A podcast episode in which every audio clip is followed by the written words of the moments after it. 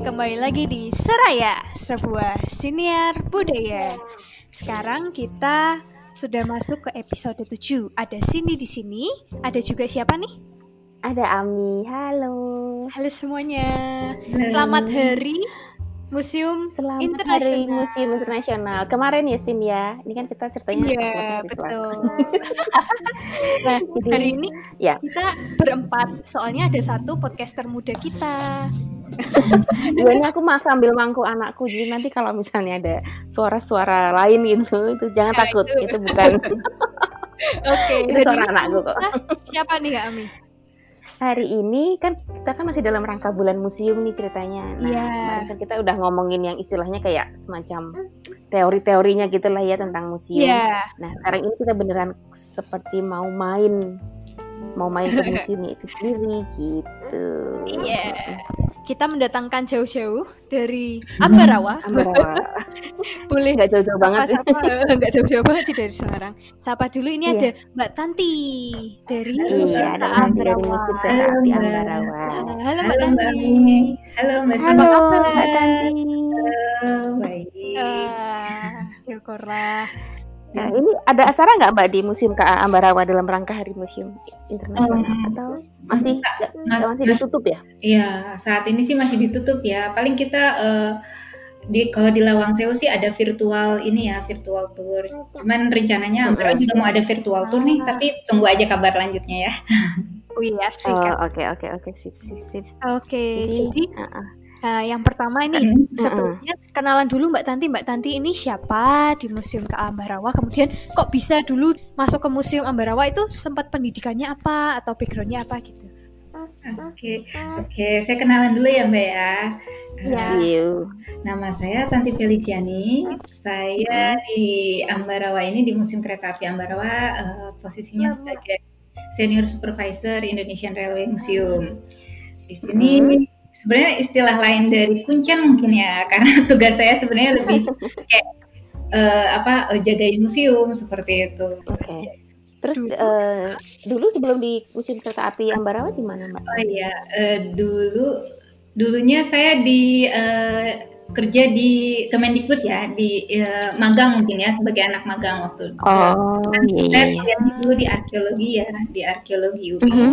Kemudian semenjak kuliah itu saya sudah eh, magang di Kemendikbud seperti itu. Kemudian sekitar tahun 2000 eh, 2012 kalau tidak salah kan ada ada unit heritage ya. Mereka jadi eh, buka apa namanya? eh, buka apa namanya? buka tawaran pekerjaan untuk arkeolog. Akhirnya saya masuk sana, saya daftar, kemudian saya Mhm. masuk ke sana diterima.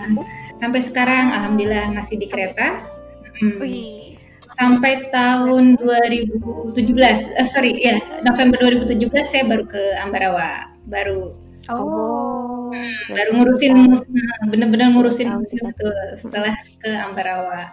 Jadi sebelumnya saya nggak ada nggak ada background untuk museum sebetulnya. Mhm. Jadi maaf aja nih ya kalau saya merasa apa awam banget gitu kalau misalnya ditanya soal museum. Jadi saya cuma bisa cerita berdasarkan pengalaman aja ya. Iya. Kita. iya. Tapi kan kalau soal Museum Ambarawa pasti paham. Ya, Oke. Betul. Oke, saya Oke. ke pertanyaan pertama nih. Eh, langsung ke pertanyaan pertama. Mm-mm. Oke. Kita mau Jadi, tanya nih Mbak mm-mm. Tanti. Sejarahnya Mm. Museum KA Ambarawa itu gimana sih? Kenapa ada museum di Ambarawa ya Kak Ami? Nah, Mm-mm. kenapa nih Mbak Tanti? Oke, Ambarawa ya kalau sekarang itu kita lihat jauh banget ya dari Semarang kayak nggak jauh-jauh banget sih paling sejam ya kalau naik kereta ya eh naik mobil ya. Cuman Iya. makanya kalau sekarang aksesnya tuh susah gitu nggak ada nggak ada kereta kemudian eh, kendaraan juga hanya bisa mobil atau motor gitu ya.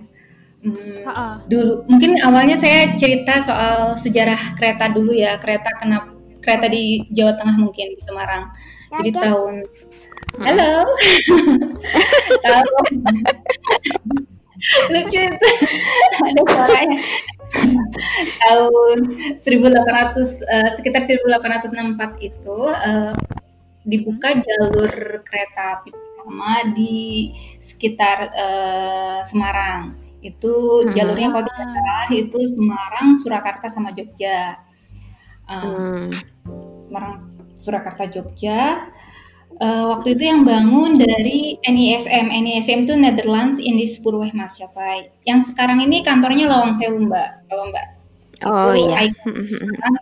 kantornya kereta api, kereta api swasta ya.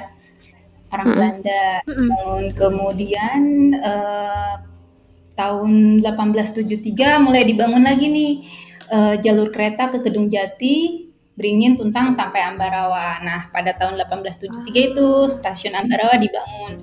Waktu itu sih namanya bukan uh, Ambarawa ya, tapi stasiun Willem I dan bangunannya nggak nggak hmm. seperti sekarang. Sekarang kan udah tembok ya, tembok uh, yeah. kemudian ada apa namanya? Ada kanopi besarnya seperti itu. Nah, dulu itu tahun 1873 hmm. stasiun Ambarawa cuman bentuknya itu dari kayu kecil seperti itu. Hmm kemudian di mungkin direnovasi direnovasi berubah jadi tembok itu sekitar tahun 1900-an.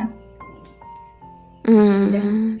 Berarti ini meliputi nggak cuma stasiun eh nggak cuma bekas stasiun Ambarawa aja ya, tapi hmm. ada yang di Tuntang sama yang di mana oh, tadi Mbak? Oh ya, uh, ada Bedono juga uh, Bedono juga nyambung, kemudian uh, Jambu. Jadi urutannya oh. Tuntang, Tuntang, Ambarawa, Jambu dan Bedono. Jambu Bedono. Hmm. Oh. Dan okay. dulu itu kan Ambarawa itu tempatnya strategis, Mbak. Tempatnya strategis. Hmm. Uh, dekat dengan tiga uh, tiga kota militer ya waktu itu. Uh, kota oh. Surakarta, Salah Salatiga sama Semarang. Itu itu kan hmm. Ambarawa itu berada di dekat ketiga kota tersebut. Nah, jadi uh, okay. stasiun Ambarawa memang dibangun waktu itu untuk kepentingan militer untuk ngangkut personal-personal militer ke tiga daerah itu ditambah juga uh, apa uh, alternatif bukan alternatif ya di sisi lain juga untuk ngangkut uh, komoditas perkebunan. Hmm. Oh iya iya sih kan memang dulu tujuannya Belanda membuka apa banyak jalur-jalur itu kan untuk perkebunan ya awalnya ya. Iya apalagi di sana daerah dataran tinggi ya. Mm-hmm. Awalnya untuk perkebunan, kemudian oh. kalau Ambarawa sendiri kan memang spesialis militer kali ya, karena sebelahnya stasiun Ambarawa ada uh, Benteng Willem satu. Ah. Ambarawa sendiri kan namanya Willem satu ya, ya merujuk ke nama apa? Nama raja yang memerintah waktu nama itu. raja, iya.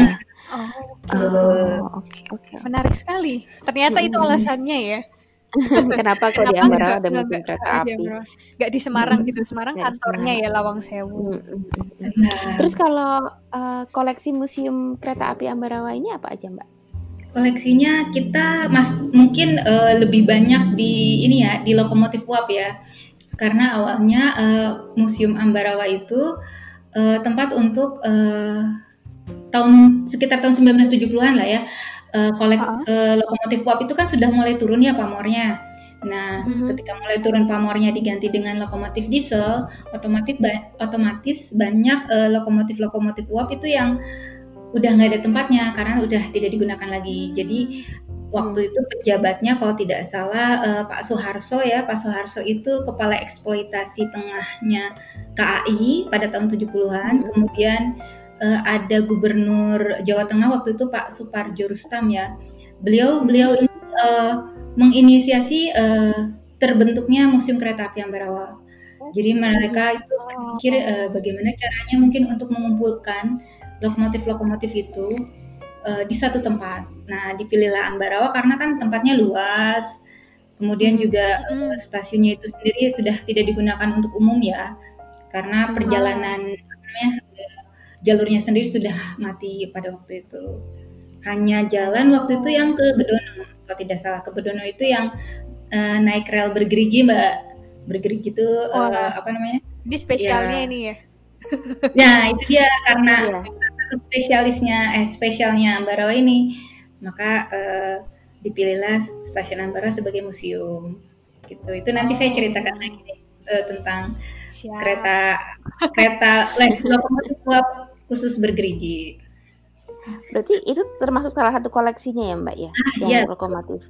Mm-hmm. Selain itu apa apa lagi yang di apa disimpan atau dipamerkan di Museum Ambarawa Kereta Api Ambarawa? Ah ya, kalau di Museum Ambarawa itu kita sebetulnya ada 21 lokomotif uap.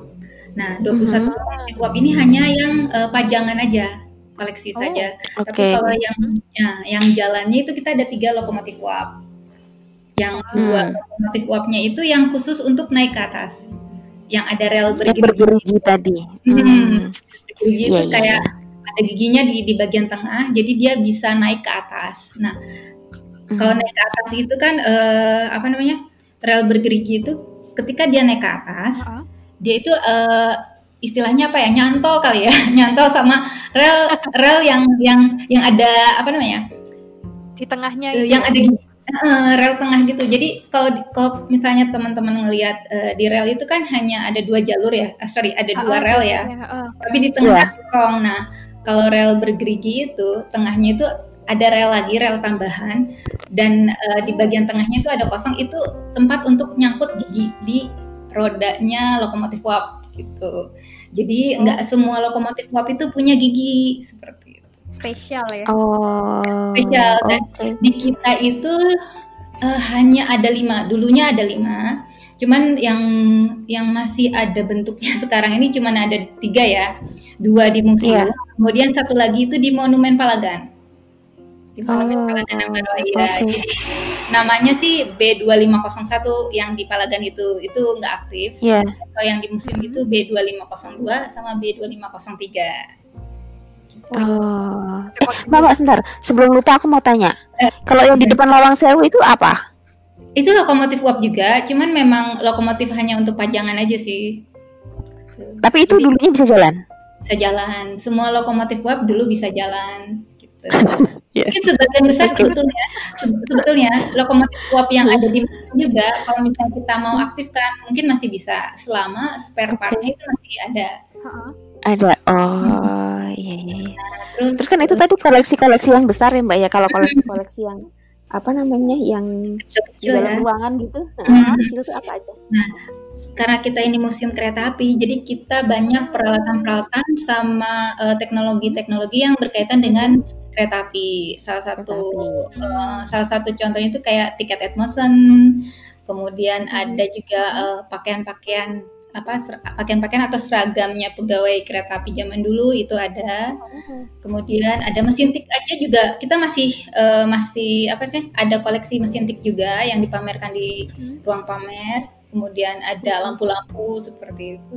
Iya. Oh selain uap juga kita sebenarnya punya diesel mbak, lokomotif diesel, Lokomotifnya. lokomotif diesel. Kemudian kalau listrik kita nggak ada. Kalau di museum kereta api Ambora kita nggak ada lokomotif li- eh, listrik.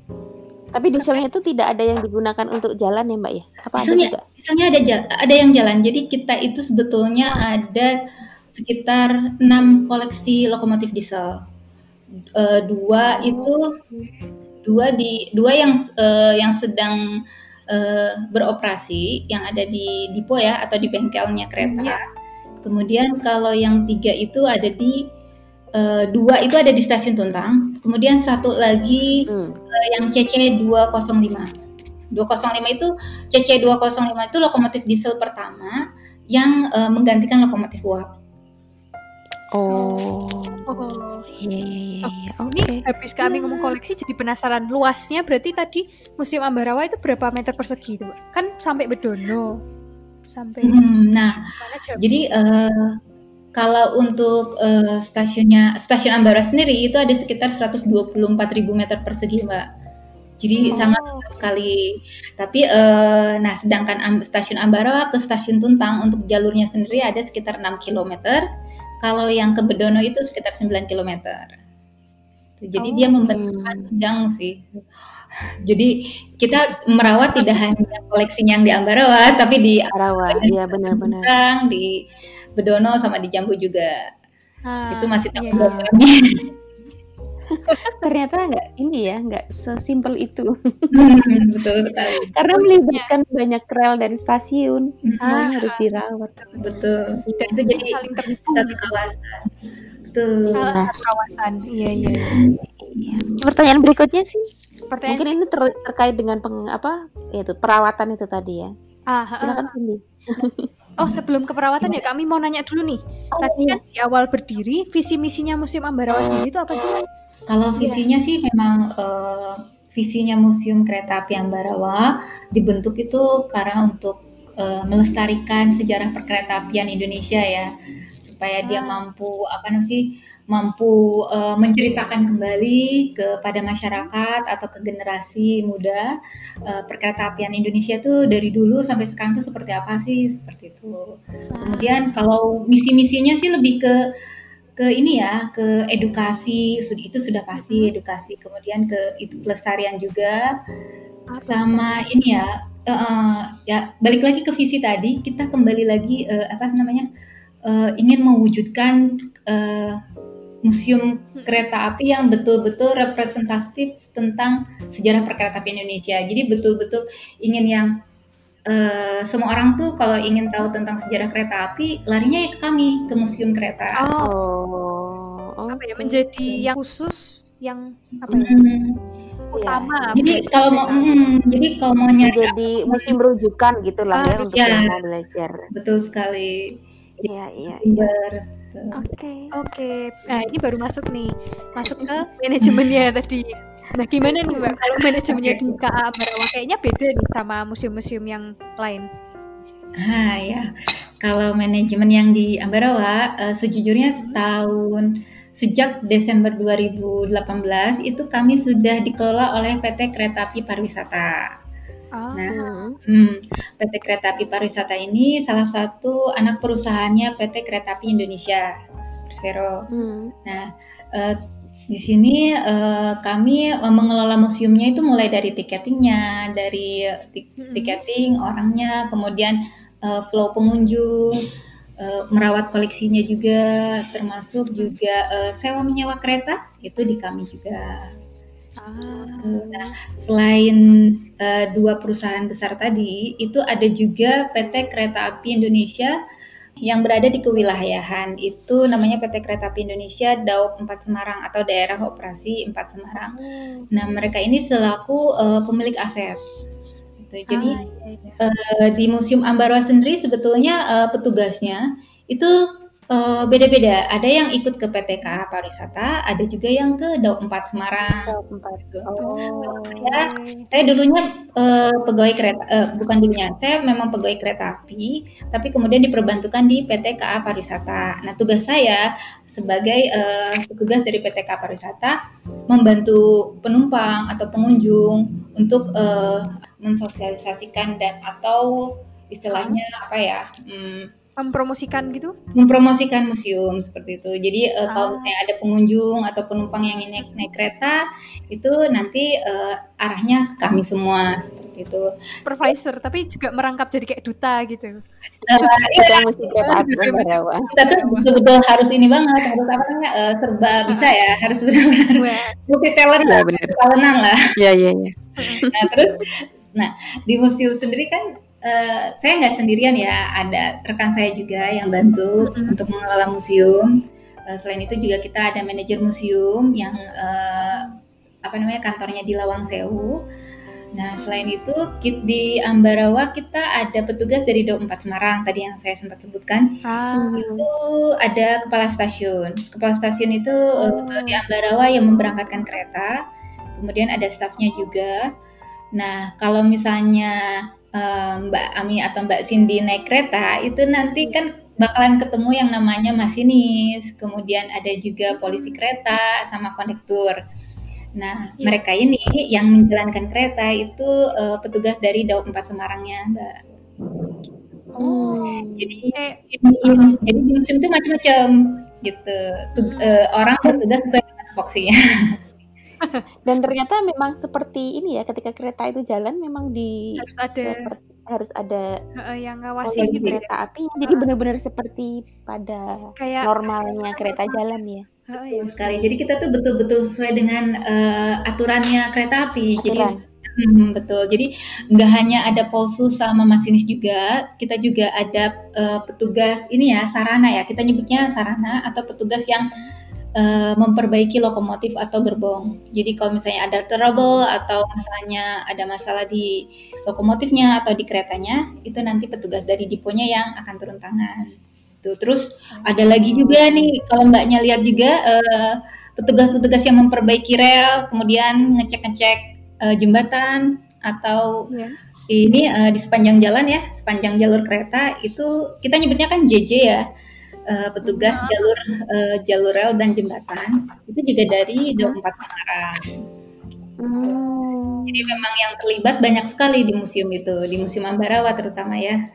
Hmm. Oke, oke, oke. Keren sih. Soalnya ini koleksinya kan apa ya kami? Kalau museum biasa koleksinya itu tidak mungkin tidak hidup, tidak bekerja. Nah, kalau di, uh, uh. Bekerjakan. Betul, betul. eh, nah, terkait itu sih tadi juga belum ditanyain. Sebenarnya apa sih yang dimaksud dengan kereta ini dipekerjakan? Mungkin Mbak Tanti bisa cerita sedikit tentang program andalan Museum KA Ambarawa ini. Ya, boleh, boleh. Yang katanya ya. sampai ngantri-ngantri itu. betul, betul. Itu dia. Uh, bisa dibilang Museum Ambarawa ini uh, masterpiece-nya itu kereta wisata.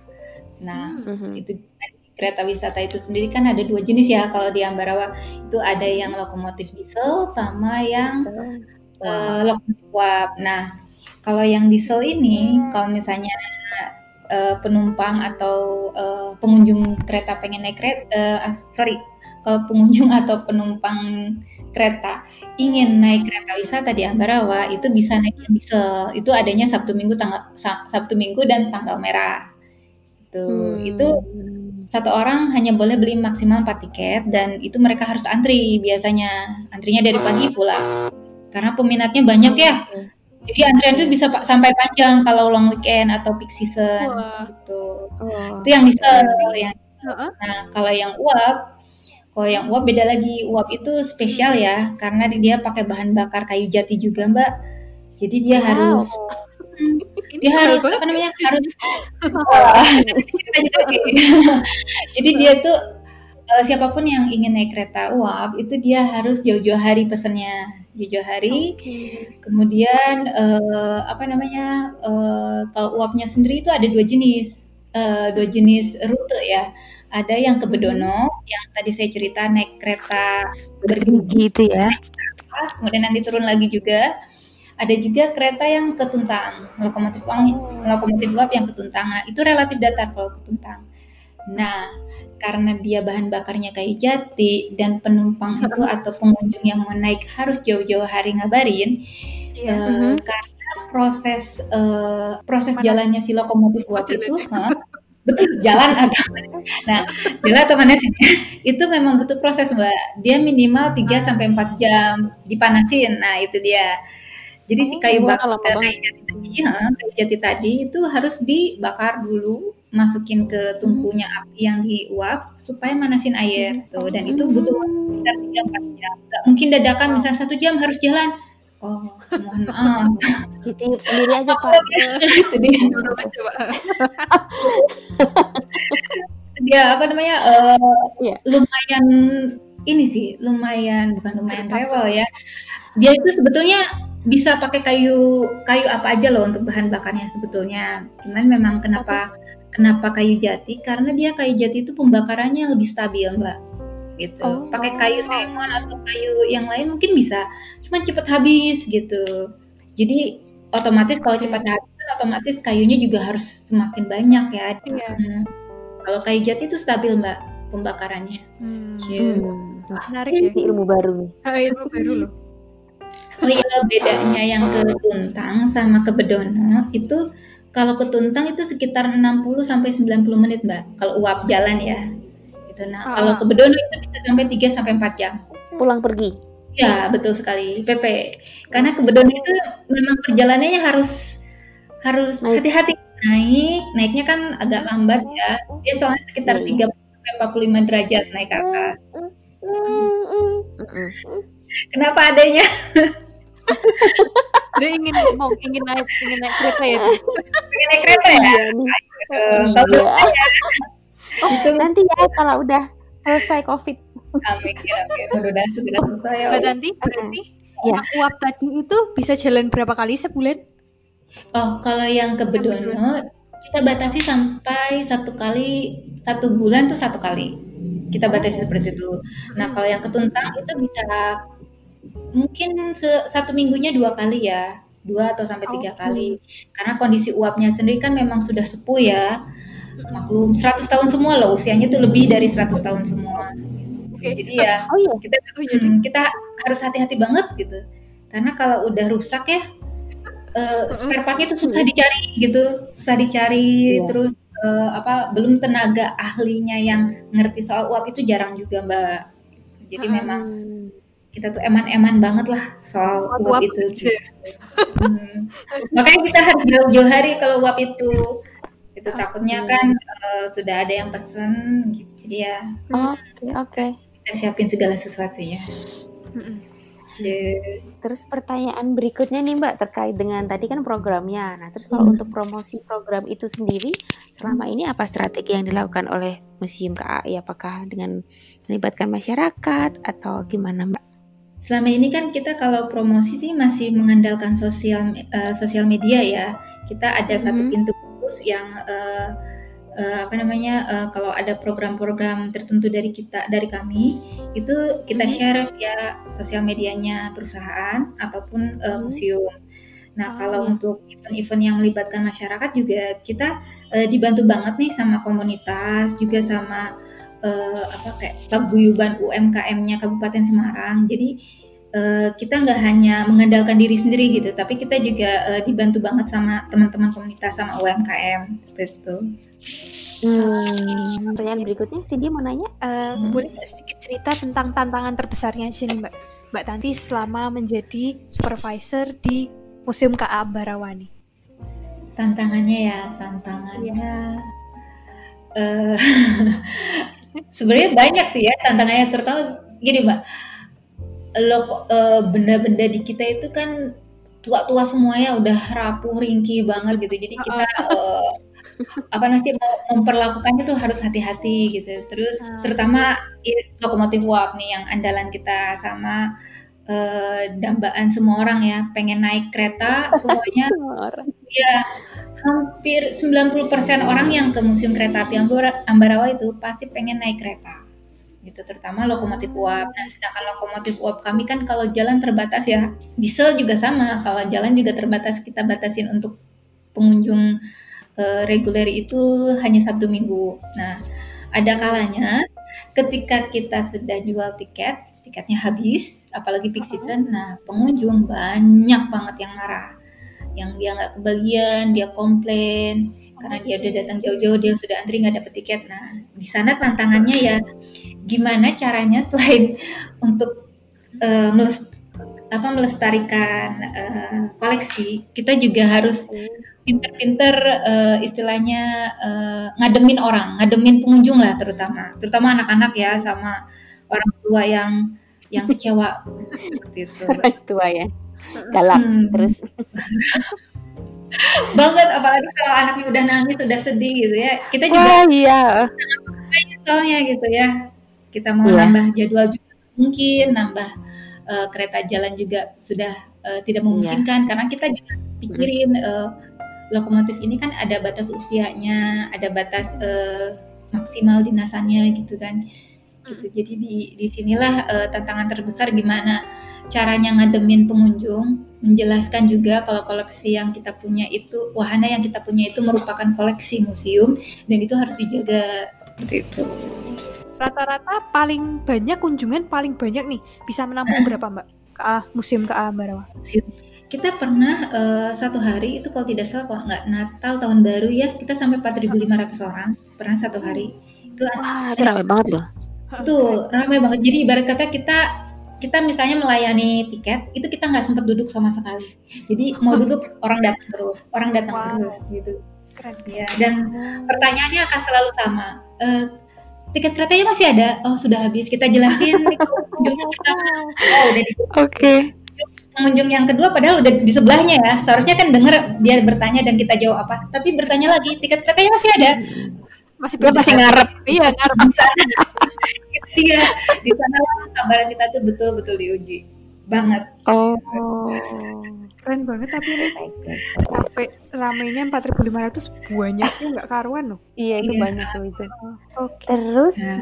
nah ini mungkin kita sudah mau sampai kepada kesimpulan akhir nih Mbak Tanti. Uh, tapi sebelum kita ngomongin kesimpulan, ada pertanyaan terakhir dari aku. Kira-kira hmm. ada program-program baru ke depan nggak yang lagi direncanain sama Museum Kereta Api atau mungkin ada apa um, upaya revitalisasi koleksi atau perluasan museum atau apa gitu ada nggak mbak? Cita-citanya sih mungkin ada ya mbak ya. Cuman karena Boleh dong ngarep ya, nama juga manusia. ya, nama juga cita-cita ya. Iya, Boleh setinggi tingginya. betul betul sekali.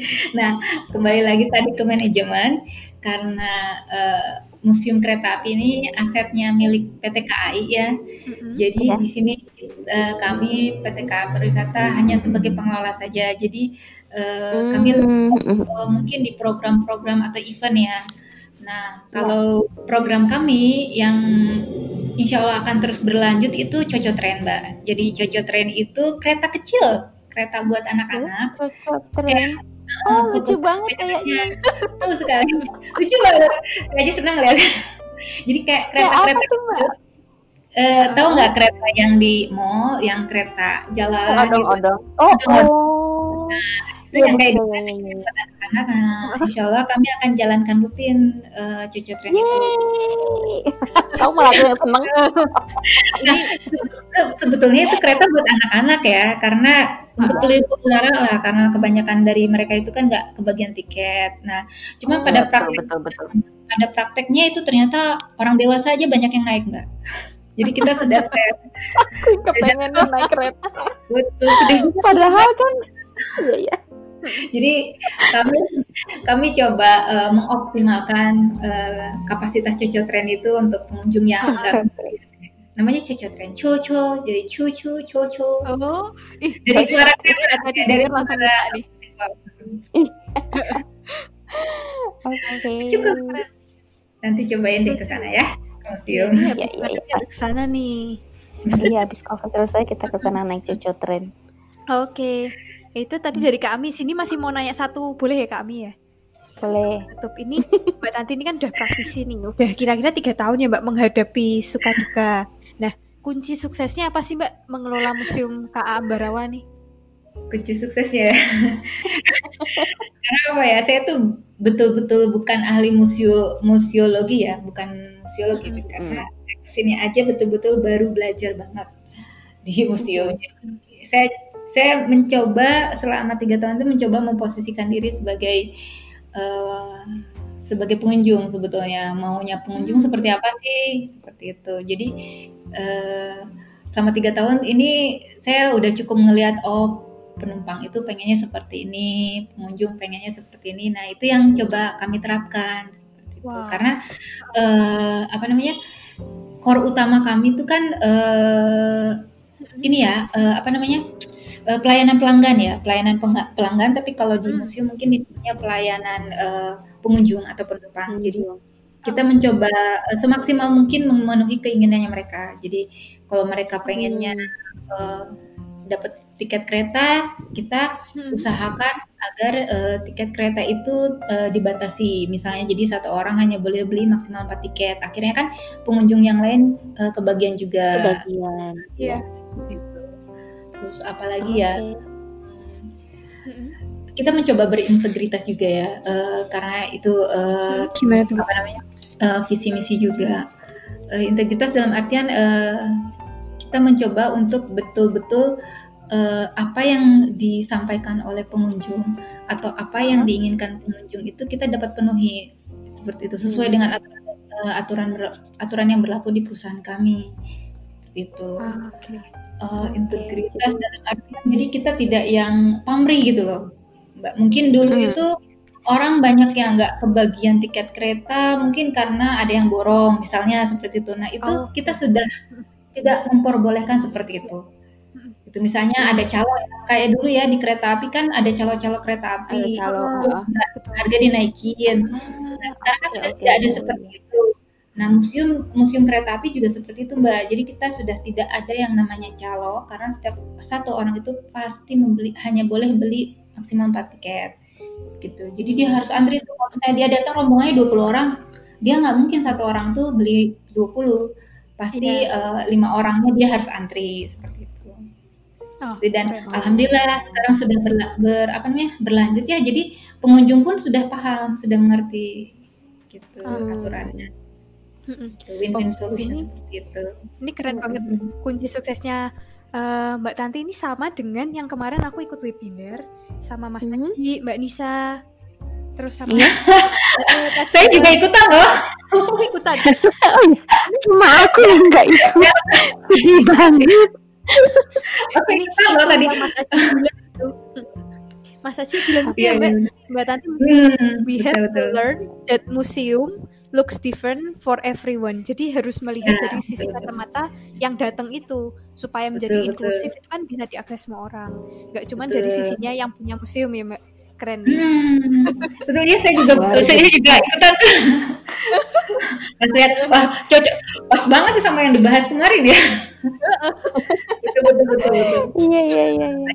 Tapi ini memang akhir-akhir ini banyak banget ya webinar ya, baik di bidang heritage maupun museum hmm. kayaknya hampir setiap hari. Sangat-sangat memperkaya ilmu banget, betul. Ya, saya sendiri banget. Saya benar-benar nggak ngerti museum nih, oh saya jadi belajar. Oh seperti itu ya, betul kan. Maaf saya kan museolog abal-abal ya, jadi saya benar-benar langsung di lapangan aja. Yang penting mau belajar, iya. keren. Iya sih nggak apa-apa sih. Salut sama Mbak Tanti sama teman-teman tuh. Iya. Kalau juga loh sama kalian udah bikin uh, podcast seperti ini. Sepertinya jarang loh ya. Saya bertemu sama Suraya seperti ini. Ya. Dukung aja konsisten. Terima kasih loh Mbak Tanti sudah mau jadi bintang tamu kita ya. juga. Nah, kita nah, untuk ini kan salah satu cara mempromosikan museum juga ya Mbak ya, komat aku gitu. Jadi biar iya. selama pandemi ini kita tidak terlupakan dan tidak terlupakan dan tidak melupakan. betul betul betul betul. Iya, Oke, okay, iya. berarti closingnya harus promosi nih. Ya, closingnya Mbak Tanti promosi. Ayo. promosi saya atau promosi museum nih? Promosi saya. Promosi museum dulu, nanti baru promosi diri sendiri. Oke, boleh boleh. Kalau museum, uh, jadi kalau misalnya ada teman-teman pendengar seraya ini mau berkunjung ke museum, kami persilahkan sekali. Tapi setelah pandemi ini selesai ya, tiketnya tiketnya murah banget kok. Kita uh, kalau dewasa sepuluh ribu, anak-anak juga lima ribu. Hmm. Nah, kalau yang Wisman ini kita murah banget, cuma sepuluh ribu juga. Okay. Ya, jadi okay. tempat lain kan Wisman itu tinggi ya, kita masih sama yeah. untuk uh, mm -hmm harga tiketnya. Kemudian kalau misalnya ada yang mau naik kereta wisata, itu bisa datang tiap Sabtu Minggu tanggal merah. Tapi kami sarankan datangnya pagi ya, soalnya biasanya cepat habis tiketnya. Terus kalau misalnya mau info lebih lanjut, mungkin bisa berkunjung ke media sosial kami di KA Wisata, @kawisata atau di ya. uh, ini Instagram ya di @lawangsewu.ambarawa. Oh. Lawangsewu.ambarawa. Oh, Oke. Okay. Ya, nanti juga akan kita follow ya, Sin. Betul. Ya, siap. Terima kasih. Terus soal kalau mau naik cocok tren langsung datang aja ya. Cocok tren juga boleh. Mau langsung sama Kira mau nanya. Gak penting pertanyaannya. Terus Mbak Tanti sendiri nih sekarang promosi. Promosi saya, oh boleh. Yeah. Kok ada yang mau follow saya boleh di Feliciously 09 boleh. Tapi itu di private sih. Saya orangnya pemalu soalnya. gitu ya. Malu, tapi kalau udah ketemu teman sendiri malu-maluin sih kadang. Oke. Okay. Maklumnya intinya kayak aneh-aneh. Ke musim KA ya. Boleh, ke musim KA aja. Di kadang saya di ke Lawang Sewu juga sih, karena Lawang Sewu juga oh. kan uh, dikelola sama PT KA Pariwisata. Uh, uh. Oh oke okay, oke. Okay. Kalau mau cerita soal Lawang Sewu boleh nextnya nanti sama manajer oh. saya. Seru nih kayaknya. Seru. Banyak Seru. yang dengerin pasti nih. Iya, terus banyak yang bertanya juga tentang uh, ruang bawah tanah pasti. Yang kepo silakan. Oke, oke, oke deh. Oke. Mungkin itulah episode main-main ya. ke Museum Kak Ambarawa. Main ke Museum Kak Ambarawa. Undang Mbak Tanti langsung ke sini. Senang. Terima kasih. Iya, terima kasih banyak ya Mbak Tanti ya. Terima kasih kita juga. bisa segera ketemu nanti setelah pandemi selesai main ke sana. Ya, saya selalu siap. Ya. Oke. Okay. Ya. Iya. Sehat-sehat ya Mbak Tanti. Iya. Sehat-sehat. Okay. Terima iya, kasih. Terus buat teman-teman seraya, uh, terima kasih udah dengerin. Sampai ketemu di episode selanjutnya. Uh, jangan lupa cek Instagram Seraya terus ya kami. Kita juga iya. punya template museum tuh kalau teman-teman mau ikutan bingo. Uh, uh, uh, uh. Bingo museum. Iya. Oke. Okay. okay. Bye bye semuanya. Bye bye. bye, -bye.